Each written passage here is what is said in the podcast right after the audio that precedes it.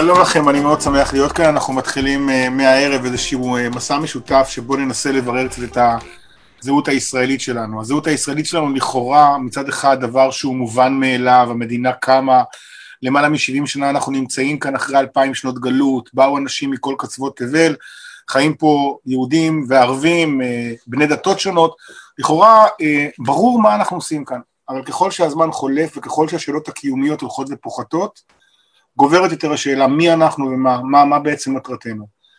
בשנים האחרונות ככל שהזמן חולף יותר ויותר סוגיות חברתיות זהותיות מטלטלות את מהותנו. תסתכלו בבקשה על שלוש מערכות הבחירות האחרונות ונראה מה עמד במרכזן. מערכת בחירות אחת בעצם הציבה בחזית את השאלה של השירות בצה"ל, שם בעצם עסקנו בשאלה מה מקומם של חרדים, הם חלק מהמדינה, הם לא חלק מהמדינה, למה אנחנו מתגייסים והם לא, איפה המקום שלהם, איפה המקום שלנו.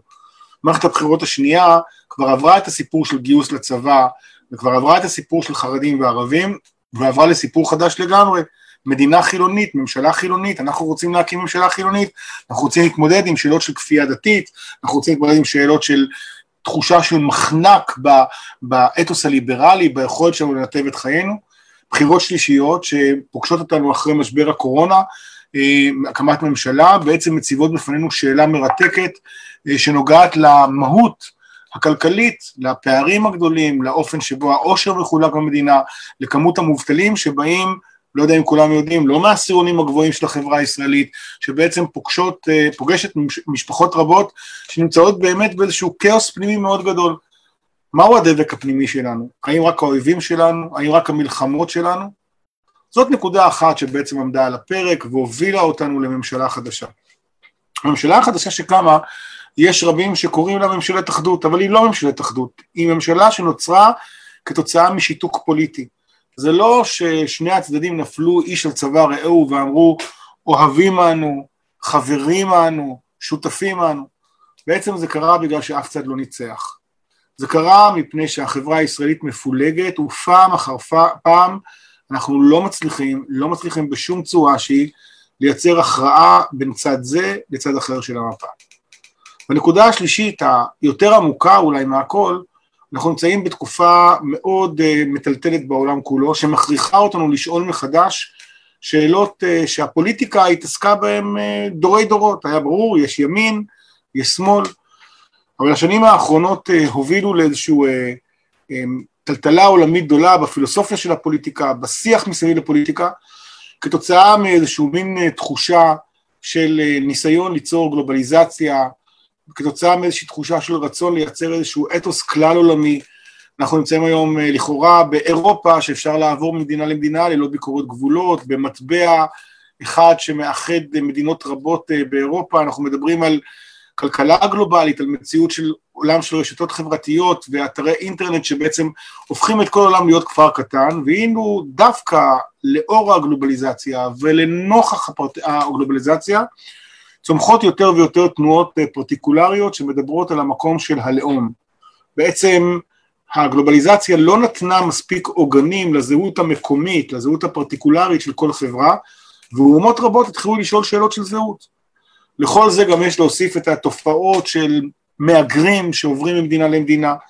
ואם אנחנו מסתכלים כרגע על העולם, אז אה, בואו נעשה איזה סיבוב קטן. הברית נמצא שליט שמדבר על Make America Great Again, שמדבר בעצם על תפיסה אחרת לגמרי של תפקידה של אמריקה בעולם. בריטניה יודעת טלטלות בלתי פוסקות כתוצאה מעניין הברקזיט וההתנתקות מאירופה. צרפת עוברת שאלות מאוד מאוד עמוקות שנוגעות למערכות היחסים בין צרפתים לבין מהגרים מוסלמים. בגרמניה מעמדה של אנגלה מרקל מתערער בין היתר בשיר פתיחת השערים למהגרים שמגיעים מסוריה ומארצות נוספות. בטורקיה יש חיזוק מאוד מאוד בעייתי של הלאומנות, ואפשר ללכת אפילו לאמריקה הדרומית, לבולסנרו, ממש לעשות סיבוב בעולם, לראות מה קורה במדינות רבות, הכאוס הזה שבין הפרטיקולרי לאוניברסלי, בין הרצון להיות חלק מעולם גדול לבין הרצון שלנו לפתח איזשהו אתוס ישראלי פשוט, הולך וגדל. אם אני מסתכל עכשיו בזום אין על מדינת ישראל ואני מנסה לנתח אותה לרגע, אפשר להצביע על שישה שסעים ונציג אותם עכשיו בפניכם. שישה שסעים שבעצם מייצגים את מדינת ישראל.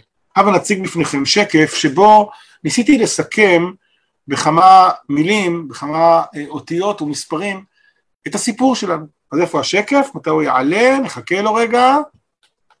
אז הנה כאן בשקף הזה אני מנסה להציג בפניכם את המחלוקות שמפצלות את מדינת ישראל. המחלוקת הראשונה היא המחלוקת בין ימין ושמאל.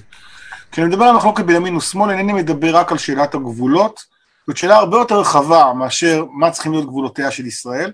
אני רק אומר שעל אף העובדה שלא נעסוק כאן בשאלה של יחסינו מחוץ לארץ, אלא רק יחסינו בתוך הארץ, אין ספק שהשאלה הפוליטית הנוגעת לגבולותיה של ישראל איננה רק שאלה מדינית ביטחונית, אלא בראש ובראשונה היא שאלה זהותית.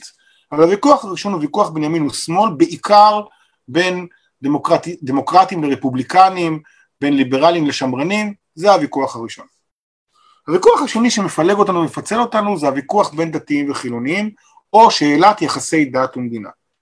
שאלת יחסי דת ומדינה היא שאלה מאוד עמוקה, היא שאלה מטלטלת ככל שאנחנו עוברים לדורות צעירים יותר, שאלות של מעמד אישי, של הזכות להינשא, של גיור, של מעורבותה של המדינה בחיי הדת, הופכות להיות שאלות קשות יותר, שאלתה של השבת, תחבורה בשבת, עסקים פתוחים בשבת, שאלת הקצאת משאבים של המדינה במוסדות דתיים, בתי כנסת לעומת מוזיאונים ועוד דברים כאלה ואחרים, זאת שאלה שמטלטלת אותנו מאוד, אם כן ימין ושמאל, דמוקרטים ורפובליקנים, ימין שמאל, שמרנות לעומת ליברליזם, דתיים חילונים, שאלת יחסי דת ומדינה. השאלה השלישית היא השאלה הלאומית, השאלה של יחסי יהודים וערבים. האם מדינת ישראל, על אף היותה מדינה יהודית ודמוקרטית, היא מדינה שיודעת לשתף גם את האזרחים הערביים שלה ולתת להם מקום של כבוד בתוך עושר החיים התרבותיים והזהותיים בישראל? מה מעמדם של ערביי ישראל? האם יהודים במדינת ישראל יודעים להתייחס לערביי ישראל אחרת מאיך שאתם מתייחסים למשל לערבים פלסטינאים? השאלה הרביעית היא שאלת חלוקת העושר. האם מדינת ישראל, מתוקף היותה נעה בקוטב של בין מדינת רווחה, כפי שהיה בעת הקמתה, לבין היותה מדינה על גבול הקפיטליזם, לפחות כפי שראש הממשלה מדבר על, על מדיניות כלכלית תחרותית, כיצד אנחנו בעצם מצמצמים את הפערים? מדוע מדינת ישראל היא המדינה מהמובילות במדינות ה-OECD בפערים בין העשירונים השונים? מדוע כאשר אזרח ישראלי שבא מהפריפריה החברתית או הגיאוגרפית וזכה להצליח, אנחנו מכנים אותו כמי שסדק את תקרת הזכוכית? כיצד ייתכן שבמדינה שחמש שעות נסיעה מפרידות מקצה לקצה, נשתמש בכלל במינה תקרת זכוכית? השאלה החמישית היא שאלת התרבות. הגדרתי אותה כאן במילה ספרדים אשכנזים, אבל היא הרבה יותר עמוקה. האם יש תרבות גבוהה ותרבות נמוכה? האם יש תרבות שלטת? מה מקומם של אליטות בתוך מדינה וחברה? והשסע האחרון שמפלג אותנו זה כשאנחנו משקללים את הכל ומנסים להגיע לשאלה של סדרי עדיפויות, מה חשוב ממה? האם בדד אנד, ברגע האחרון, המדינה, הכלל, הציבור, חשוב יותר מן האזרח, או שמא האזרח ברגע האמת חשוב יותר מהמדינה. אלה שישה שסעים שמפצלים ומחלקים את מדינת ישראל. הם הרבה יותר עמוקים משאלת השבטים. הם מניחים שיש בתוך הסיפור הזה גוונים רבים, אבל תראו מה קרה לנו. אם פעם יכולנו להגיד, אוקיי, אז בואו נטפל בבעיות בקווי רוחב. בשאלת ימין ושמאל, גוף כזה יטפל. בשאלת דתיים וחילונים, גשר וצו פיוס יטפלו. בשאלת יהודים וערבים, יוזמות קרן אברהם, בשאלת עניים ועשירים, אה, קו משווה, בשאלת ספרדים ואשכנזים, הקשת המזרחית, וכן הלאה והלאה. ובואו נטפל בזה בקווי רוחב. מה שקרה זה שבעצם התכנסנו לשני גושים. תסתכלו רגע בשקף הזה ותראו איזה דבר מדהים קורה בו. בעצם, במובן העמוק של המילה, כל מי שנמצא בצד ימין עשה package deal עם כל החבילה הזאת. והוא חושב שמי שנמצא בצד השני הוא שמאלני, חילוני, אוהב ערבים, עשיר, אשכנזי או משתכנז, שחושב שזכויות אזרח יותר חשובות מהמדינה. ברגע שבשלושה נושאים מתוך השישה אני בצד מסוים, אני מוכן למכור את הערכים שלי בשאלות האחרות, להיכנס לתוך השבט, ליישר קו ולהיות בו גם בדברים שאני לא מסכים. זה לא עובד, משום שיותר ויותר צעירים הם אנשים היברידים. הם לא משתייכים לאף אחד מהשבטים, הם מסוגלים להשתייך לארבעת השבטים. הם לא יודעים להגדיר את עצמם באופן נורא חד בשאלה של ימין ושמאל. הם סבורים למשל שהם נגד פסקת ההתגברות בעולם המשפט, אפרופו הצד השמאלי, אבל הם כן חושבים שיש שימוש מוגזם בעילת הסבירות והמידתיות. הם בהחלט חושבים שמדינת ישראל אה, צריכה להיות מדינה יהודית עם סממנים יהודיים, אבל הם חושבים שאסור למדינה להתערב בחדר המיטות של הפרט, וכן הלאה והלאה. ובעצם אנחנו תקועים בשני גושים, כאשר בעצם מדינת ישראל מחפשת מוצא. בסדרת המפגשים שלנו שתארך בכל יום רביעי בשעה תשע, נבחר נושא אחד מתוך הנושאים, נכיר את הנרטיבים, נצלל לעומק, נעסוק בפילוסופיה והיסטוריה ופסיכולוגיה וסוציולוגיה, נלמד יהדות ונלמד דתות אחרות כדי להבין את עולם הרעיונות. אבל לפני שנתחיל אני רוצה שנבין שיש לי נקודת מוצא. נקודת המוצא היא בשקף הבא, היא מבחינתי הבסיס לשיחה שלנו. יהודים הם עם של מילים, אני לא מסוגל להתעלם מהמילים המרכזיות של מגילת העצמאות. מגילת העצמאות בעצם, בפסקה המרכזית שלנו, סיכמה באיזשהו כיוון רב השראה, קריאת כיוון, וכך נאמר במדינת העצמאות. מדינת ישראל תהא פתוחה לעלייה יהודית ולקיבוץ גלויות. תשקוד על פיתוח הארץ לטובת כל תושביה. תהא מושתתת על יסודות החירות, הצדק והשלום לאור חזונם של נביאי ישראל. תקיים שוויון זכויות חברתי ומדיני גמור לכל אזרחיה, בלי הבדל דת, גזע ומין. תבטיח חופש דת, מצפון, לשון, חינוך ותרבות, תשמור על המקומות הקדושים של כל הדתות, ותהיה נאמנה לעקרונותיה של מגילת האומות המאוחדות. מי שקורא את הפסקה המרכזית של מגילת העצמאות, לא יכול שלא לחוש בעובדה שמייסדי המדינה התמודדו עם ששת השסעים. הם הניחו לנו קריאת כיוון. התרשלנו. התרשלנו ולא עשינו את העבודה. במדינת ישראל מחד יש רוח לאומי גדולה, אבל יש בה גם גילויים של גזענות. במדינת ישראל יש רוח יהודית, אבל יש בה גם גילויים של פונדמנטליזם. מאידך, מדינת ישראל הרבה פעמים פורמת, במובן העמוק של המילה, את הזהות היהודית שלה, ויש כאלה שמוכנים שדמוקרטיותה תדרוס לחלוטין את יהדותה. מה עושים? איך יוצאים מהסיפור הזה? איך בונים סיפור ישראלי משותף? זה תכליתם של המפגשים שלנו. כדי לפתוח אותם, אני רוצה להזמין אורחת. אני רוצה לארח אה, בתוכנית הראשונה שלנו את אה, דוקטור יוליה אלעד שטנגר, אפשר להעלות אותה, שנראה את יוליה. יוליה היא מרצה באוניברסיטת בר אילן, מתמחה ב... שלום. בעצם, שלום יוליה. אז אה, בעצם יוליה, קודם כל ערב טוב לך. ערב טוב, אני מברכת על התוכנית שי, מזל טוב. תודה, תודה. ואני רוצה בראש ובראשונה לשאול אותך, האם בכלל יש מחקר כזה שנקרא לכילות חברתית? האם אפשר לייצר פיוס בין קבוצות? האם מה שאת מכירה מהעולם מניח איזושהי תקווה לאופטימיות, או שבעצם ככה אנחנו חברה מתפוררת וחבל על הזמן של כולנו? זה מאוד מאוד תלוי בדיסציפלינה. דיסציפלינה שאני באה ממנה, שהיא נקודת הראות הפסיכולוגית, הנחת היסוד היא שהיא קצת אופסיאנית, כן? הנחת היסוד היא ש... קבוצות נועדו להתפלג, זאת אומרת הרצון של כל קבוצה לשמור על זהות שהיא כמה שיותר מובחנת, כמה שיותר עצמאית, כמה שיותר סגורה בתוך עצמה, זה איזשהו מהלך טבעי שכדי להילחם בו אנחנו צריכים לעשות מאמץ מודע. זאת אומרת, זו תפיסה קצת פסימית של, של שסעים בין קבוצות, מאידך היא נותנת המון המון מידע על מהם החסמים בפני היכולת לייצר חברה מלוכדת יותר, ויש לנו היום הרבה ידע על זה. יש מדינות שבהן את יכולה לתת איזה דוגמה או איזה סיפור מדינתי, שאת אומרת, הנה, קחו דוגמה של חברה אה, שהסולידריות שבה באה דווקא מתוך הניגוד בין השבטים השונים, וקרה שם איזשהו תהליך. תראה, אם אנחנו מסתכלים היסטורית, אנחנו דווקא יכולים לראות, אה, לראות יותר בקלות את התהליך ההפוך. זאת אומרת, אנחנו רואים מה קרה לאימפריות, אנחנו, מה, אנחנו רואים מה קורה ל-EU, לאיחוד האירופי, שמדינות לאט לאט נסוגות אה, לתוך עצמן. אה, אני, אני אני חושבת שהתהליכים האלה הם דווקא מראים לנו כמה האחדות היא שברירית, כמה לכידות היא שברירית. אני גם רוצה להתייחס למה שאמרת קודם על, על שישה השסעים, אני חושבת שאחד הדברים שחשוב להבין, זה לא רק הייחודיות של השסעים בכל מדינה, ש, של השאלה של, הזאת קצת התייחסת עכשיו, אלא להבדלים בין השסעים השונים. זאת אומרת, אין מתכון שהוא מתאים לכל המדינות ולכל שסע גם בתוך מדינה. זה אחד המפתחות, אני חושבת, אם אנחנו אה, מסתכלים על, על, על ניסיונות כן להביא ללכידות בין קבוצות, אז להבין שיש הבדלים בין השסעים, ולא רק זה, בתוך השסעים עצמם יש אסימטריה בין הקבוצות השונות באופן שבו הן תופסות את, כל, את, את המחנה הנגדי להן. כך שהמתכון, אני חושבת, הוא פרטיקולרי מאוד.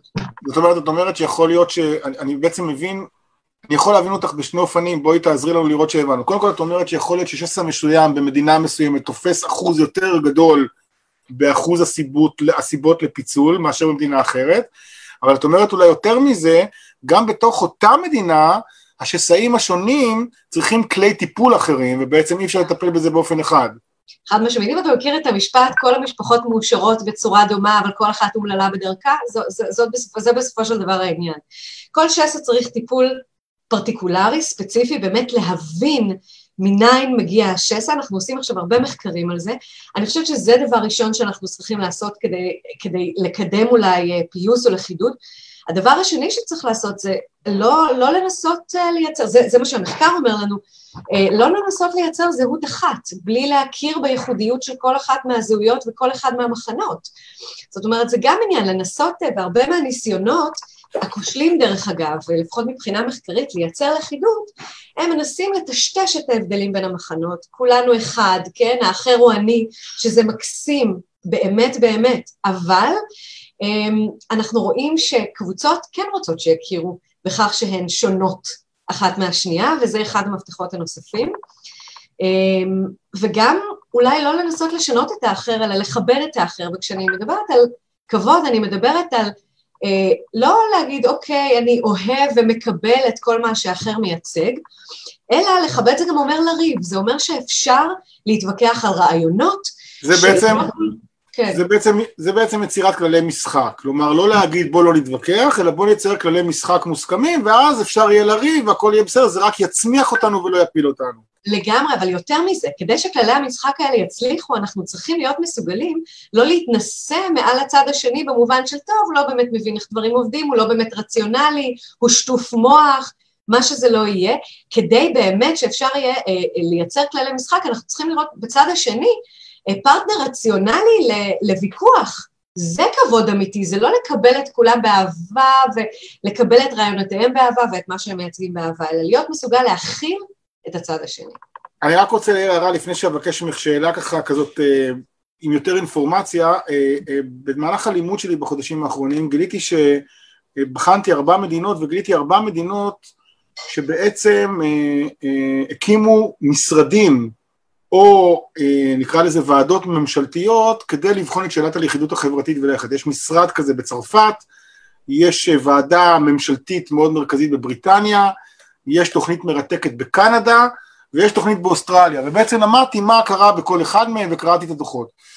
אה, אנחנו נמצאים עכשיו בפתחה של ממשלה חדשה בישראל, ואני רוצה לשאול, זה כבר מחבר אותנו, אני גם אשאל את השאלה וגם את השאלה שאחריה, ואתן לך לענות ברצף, מהמחקרים שלך, קודם כל מה זיהית, וגם נשמח לשמוע קצת במספרים, אה, מה זיהית על החברה הישראלית, על מצב הלכידות שבה, ולאור מה שאמרתי במדינות אחרות, מה את ממליצה, באיזה אופן היית ממליצה אה, למקד את הדברים כדי שזה יתאים לסיפור הישראלי.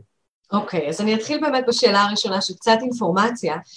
Uh, אנחנו, אנחנו באמת עושים המון המון מחקרים, גם הרבה מאוד אנשים אחרים עושים מחקר, אבל אנחנו עשינו מחקר, אנחנו זה אומר בחסות הקונגרס הישראלי, uh, באוניברסיטת בר אילן, אנחנו עשינו uh, מחקר שבאמת uh, מנסה למפות את הלכידות ותפיסות הפילוג וכל מה שעומד מאחורי על פני ארבעה שסעים, לא שישה, כן? השסע הדתי, מזרחים אשכנזים, לאומי, אידיאולוגי ודתי, דתיים חילונים.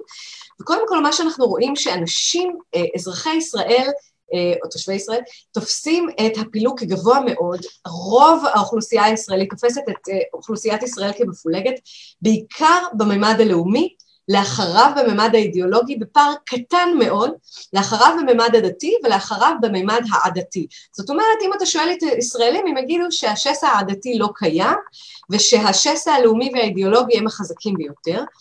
שני דברים מעניינים שאנחנו רואים, זה שכשאנחנו שואלים אנשים עד כמה לדעתם ישראל יכולה להיות מלוכדת, אה, הם די פסימיים, רק 50 אחוז מהאנשים חושבים שישראל יכולה להיות מלוכדת, למרות שרוב הישראלים מעוניינים ב- ב- בלכידות הזאת.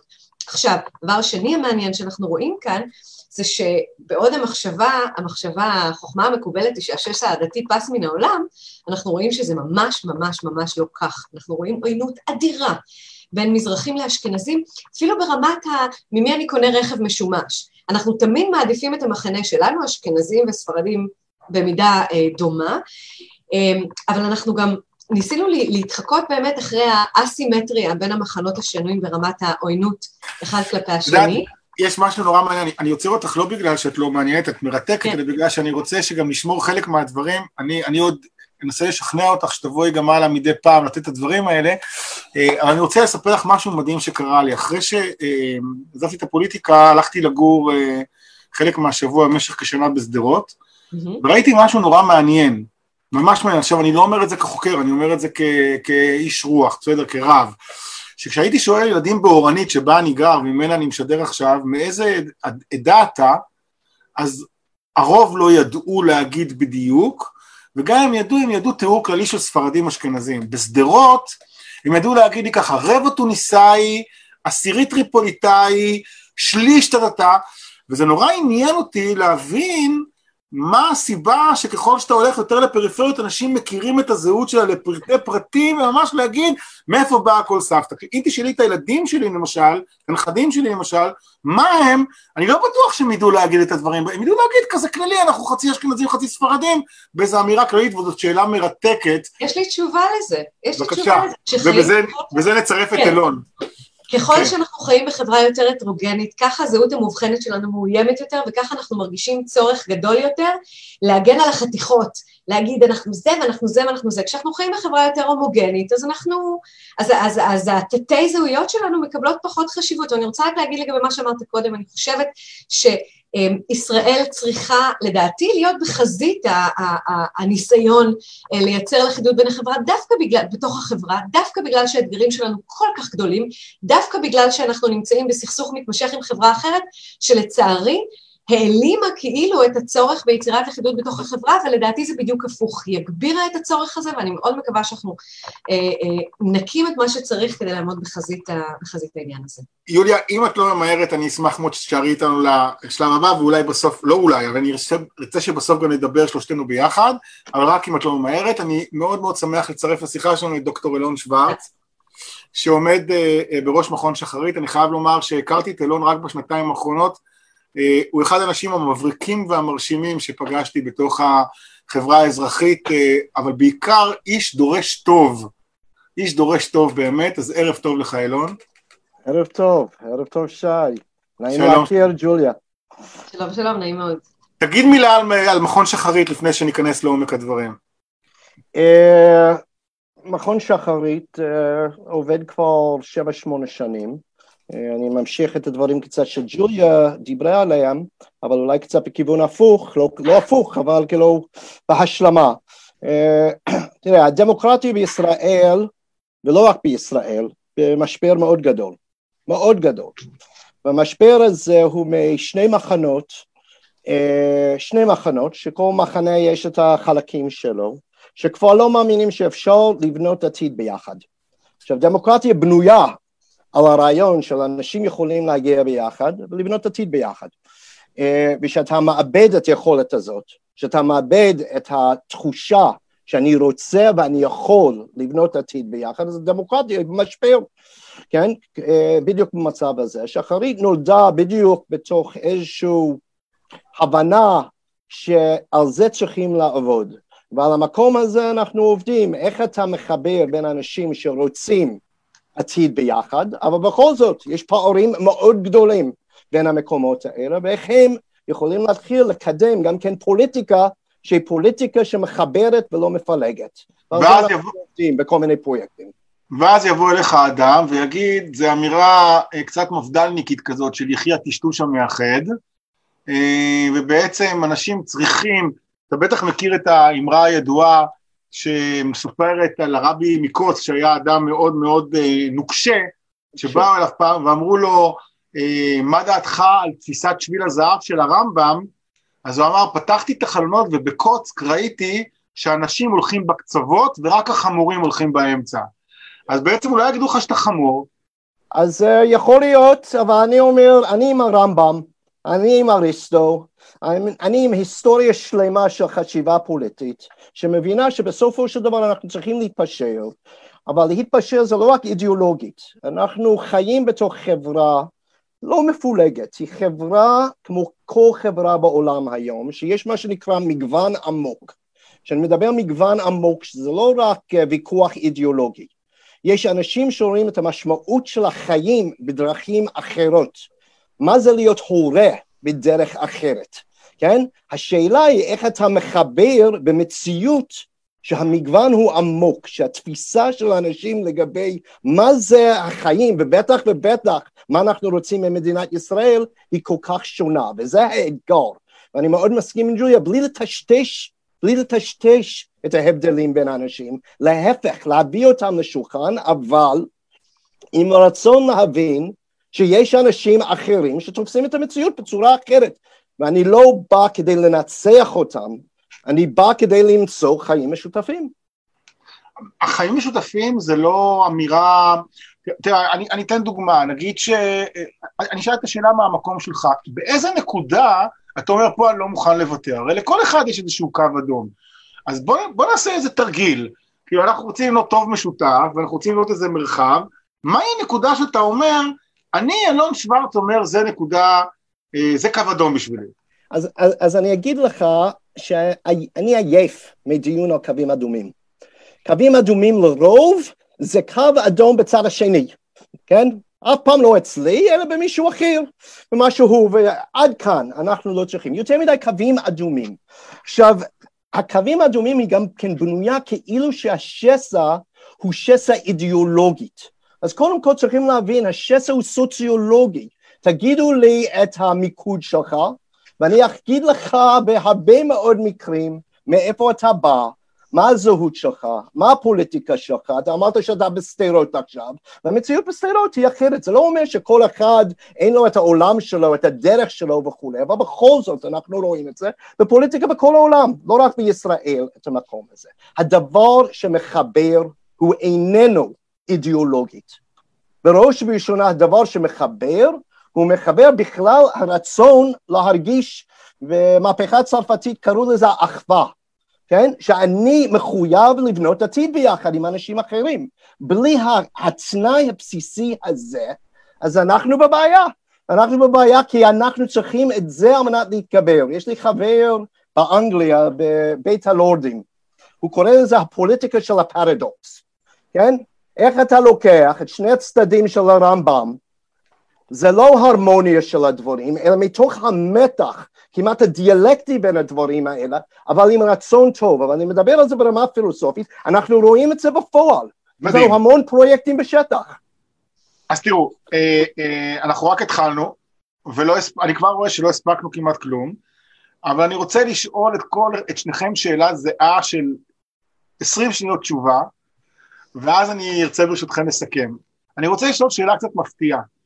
עד כמה העובדה ששניכם לא, לא ילידי הארץ, ועד כמה העובדה ששניכם במובן מסוים באתם מבחוץ, גורמת לכם לדבר בשפה שאתם מדברים. אילון. למה אני קודם? למה לא ג'וליה? כי אתה אני מכיר יותר שנים. סתם, כן, נו. תראה, אין ספק מבחינת אנתרופולוגי שמישהו מגיע מבחוץ, לא שיש לו הרמוניה, הוא רואה דברים שאנשים שבפנים לפעמים לא רואים. כאילו, זה מציאות כזאת בתוך הדברים. אני בטוח שהעיניים שלי שהם חצי פה וחצי שם, על אף שאני פה מ-82, כן, גר פה, מלמד באוניברסיטה, ילדים, אה, מערכת החינוך וכל זה, אבל בכל זאת אני קצת אאוטסיידר.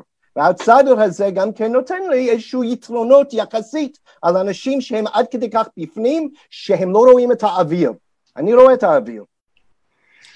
יוליה, אה, אני אתן לך להשיב, אה, יותר נוח לי לשאול כי אני מכיר אותך יותר בעובדה הזה, זה גם נורא מעניין שאדם שאני מכיר אותו, שהוא הנפש הכי גלובלית שאני מכיר כמעט, מתעסק במתחים של מקום לוקאלי. אז זה, זה, זה בדיוק, תראה, אני דווקא ילידת הארץ, אבל אני דור ראשון, ואתה נוגע בנקודה מאוד משמעותית, אני חושבת שזאת הסיבה שאני חוקרת זהות בסופו של דבר. אני התחלתי בכלל מקיצונות דתית, עברתי לקיצונות אידיאולוגית, בגלל שאין לי, אני לא רוצה להגיד אין לי זהות, כי זה בכלל, אנחנו נפתח פה ספה, אבל, אה, אבל אז אני גדלתי, אני מקנאה, בוא נגיד את זה ככה, אני מקנאה באנשים שגדלו בארץ לא כדור ראשון להורים מהגרים וזה, שמרגישים שהזהות שלהם היא כל כך בטוחה, כן? אני מקנאה בהם מצד אחד, ומצד שני, כמו שאילון אמר, אני בחוץ וזה מאפשר לי פרספקטיבה על זהויות ועל מאבקים בין זהויות של, של אדם שהזהות שלו היא מאוד פלואידית. אבל זה לא אותו דבר, אני רק רוצה להעיר הערה ולומר, לעשות איזשהו חיבור של הכל. זה לא אותו דבר, כי אמרתי, אלון אתה לא מכאן, ואמרתי יוליה בהרבה מאוד מובנים לא מכאן, לא במובן של הלידה. אצל אלון אני מרגיש הרבה יותר אה, זעם פנימי במובן החיובי של המילה, ורצון לתקן, סוג של שליחות ופחות מחקר, זאת אומרת, אתה פחות מתבונן על זה במקום, אלא אקטיביסט חברתי שבא לתקן, ואני רוצה להכשיר לנו שאלות הלאה, איפה הרגע שבו אתה אומר, אני לא יכול לראות רוע, אני לא יכול לעמוד בזה. ואני רוצה להציע הצעה, ובזה ככה נעשה איזה סגירה. אתם יודעים, יש דבר נורא מעניין, אה, אולי, זה גם, אולי גם בגלל זה אילון קרא למכון שלו שחרית. אתם יודעים, יש אה, שני רגעים ביממה שבהם לא רואים טוב. זה שקיעה וזריחה. זה שני רגעים שבהם האור והחושך אה, מתערבבים. אז ביממה נורא ברור מתי זה שקיעה ומתי זריחה, אבל בחיים זאת הכרעה שלנו אם הטשטוש הזה הוא שקיעה או זריחה. זה אנחנו נחליט. אמן, אמן. אמן. אז תודה רבה לכם ולהתראות בתוכנית הבאה. תודה רבה. תודה שי, תודה רבה. תודה לשניכם.